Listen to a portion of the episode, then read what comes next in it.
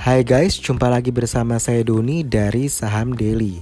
Kali ini kita mau review satu saham yaitu saham PTPP London Sumatera Indonesia Tbk dengan kode emitennya LSIP. Kita bilangnya LISIP gitu aja ya. Nah, LISIP ini bergerak di industri perkebunan kelapa sawit dan karet. Nah, produk utamanya adalah minyak sawit mentah dan karet serta sejumlah kecil kakao, teh, dan biji-bijian. Perusahaan ini merupakan anak perusahaan dari PT Salim Ivomas Pratama Tbk atau kode emitennya SIMP atau SIM ya. Nah, Lisip ini dia mulai beroperasi secara komersial pada tahun 1963. Sedangkan dia listed di bursa saham eh, BEI itu di tanggal 5 Juli 1996 dengan harga penawarannya saat itu di Rp4.650 per lembar saham. Untuk komposisi pemegang sahamnya mayoritas besar 59,51% dipegang oleh PT Salim Infomas Pratama Tbk ya. Lalu sisanya sebesar 40,38% dipegang oleh publik. Nah, ini yang cukup baik karena memang kepemilikan publik di atas 20% ya untuk saham LISIP ini sendiri. Nah, untuk pergerakan harga saham LISIP sendiri ini kita lihat uh, di tahun 2019 ya uh, dari Januari hingga bulan Juni ini paling tinggi harganya di tanggal 21 Januari 2019 yang lalu di harga 1475. Sedangkan harga terendahnya sepanjang Januari hingga Juni ini di tanggal 25 Maret 2019 di harga 1040 dan posisi hari ini penutupan sore ini uh, di tanggal 12 Juni 2019 itu di harga 1130 untuk kita amati dari segi volume transaksi sepanjang Januari dan hingga bulan Juni ini paling tinggi adalah di bulan Mei 2019 ya uh, volume transaksinya. Lalu Lisip ini sendiri dia rutin membagikan dividen ya. Kalau kita lihat dari tahun 2014 dia membagi dividen Rp53 per lembar saham 2015 dia membagi Rp37 per lembar saham Lalu 2016 dia membagi dividen Rp35 per lembar saham. 2017 dia membagi dividen Rp45 per lembar saham sedangkan di tahun 2018 dia membagi dividen Rp19 per lembar saham. Dengan total nilai uangnya itu 129 miliar ya atau 40% dari laba bersih di tahun 2018. Nah, cam dividen date-nya ini di pasar reguler dan pasar nego di tanggal 13 Juni Juni 2019 besok. Sedangkan untuk jam dividen di pasar tunai itu di 17 Juni 2019. Biasanya kita bilang CAM ya, eh, CUM itu ya, CAM date-nya. Lalu kuartal 1 2019 uh, revenue-nya naik 6,9% dari 868 M ke 927 M ya apabila kita compare di kuartal 1 2018 ya. Jadi memang revenue-nya naik 6,9%. Ya, kenaikan pendapatan ini disebabkan oleh pertumbuhan volume penjualan dari produk sawit yaitu CPO, crude palm oil ya, dan palm kernel. Per kuartal 2000 eh, per kuartal 1 2019 ini porsi penjualan dari lesip ini terdiri dari produk sawit sebesar 92,6%, karet 5,2%, lalu benih 1,5% dan lain-lainnya 0,7%.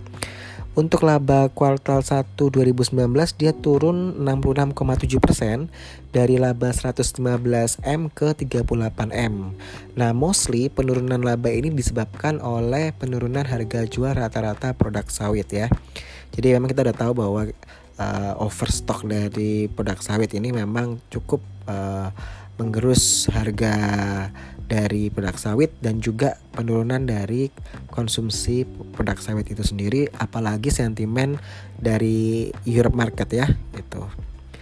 Nah, untuk besok ya eh, tanggal 13 Juni 2019 itu Kementerian Energi dan Sumber Daya Mineral ESDM itu akan melakukan uji jalan atau kita kenal dengan istilah rotes uh, biodiesel 30% atau B30. Jadi kalau tahun lalu kita tahu bahwa uh, untuk saham-saham CPO ini sempat naik karena uh, diterapkannya uh, biodiesel 20 ya. Kalau teman-teman tahu mungkin kita uh, paham dengan istilah uh, B20 ya Jadi ketika itu kalau saya tidak salah di kisaran bulan Juli atau Agustus ya, benar-benar uh, saham-saham dari CPO ya uh, kelapa sawit ini memang meningkat begitu.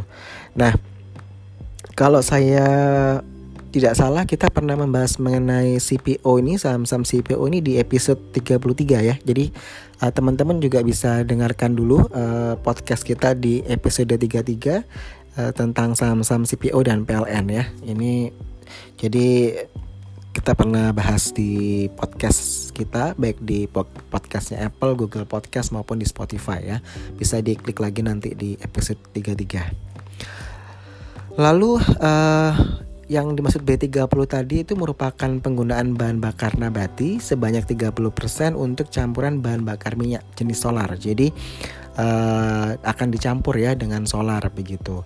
Nah, pencampurannya bahan bakar nabati ini juga melanjutkan dari program B20 yang tahun lalu ya. Nah, produksi dan pemanfaatan biodiesel ini memang terus meningkat ya dari tahun ke tahun. Nah, konsumsi domestik ini diharapkan dapat meningkat melalui perluasan B20 dan PSO yang diinstruksikan Presiden Medio dari 2018 yang lalu dan Kementerian SDM ini mencatat bahwa di tahun 2018 ini konsumsi domestik naik 45% atau sekitar di 3,7 juta kiloliter dibandingkan 2017. Nah, diharapkan dengan penerapan B30 ini nanti hingga di B100 jadi kalau teman-teman ingat uh, kampanyenya Pak Jokowi kemarin ya di pemilu 2019 di mana di debat uh, calon presiden beliau mengatakan bahwa akan mewujudkan B100 nah ini diharapkan akan berdampak positif bagi penyerapan CPO di mana saat ini pasokan CPO itu memang melimpah sehingga juga menyebabkan turunnya harga CPO Nah, dengan pelaksanaan B30 hingga B100 nantinya tentu akan meningkatkan permintaan CPO dan akan berimbas positif bagi kinerja emiten-emiten CPO. Jadi nanti teman-teman bisa juga uh, lihat pola pergerakan harga sahamnya ya Se sebelum dia B20 dan sekarang ini mau B30 harusnya sih akan mengalami pen uh, peningkatan ya. Untuk uh, kompetitor saham lisip ini ada AAA, AA, LI, maaf, ada AALI, lalu ada SSMS, ada SIMP, ada BWPT, ada SGRO, ada TBLA, ada MGRO. Jadi dan masih ada beberapa lagi sih, tapi yang saya ambil yang biasa kita kenal ya. Jadi ada AALI, SSMS, SIM, BWPT, SGRO, TBLA dan MGRO. Jadi itu nanti teman-teman bisa pelajari ya uh, lebih unggul yang mana di antara saham-saham di sektor CPO ini begitu. Jadi kalau memang nanti teman-teman uh, dengar lagi di episode 33 sebelumnya bahwa uh, akan uh, PLN itu tetap menyerap banyak ya uh, untuk CPO CPO CPO CPO ini. Nah, tentu mungkin untuk investasi cocok ya untuk saham-saham CPO ini untuk di collect gitu ya.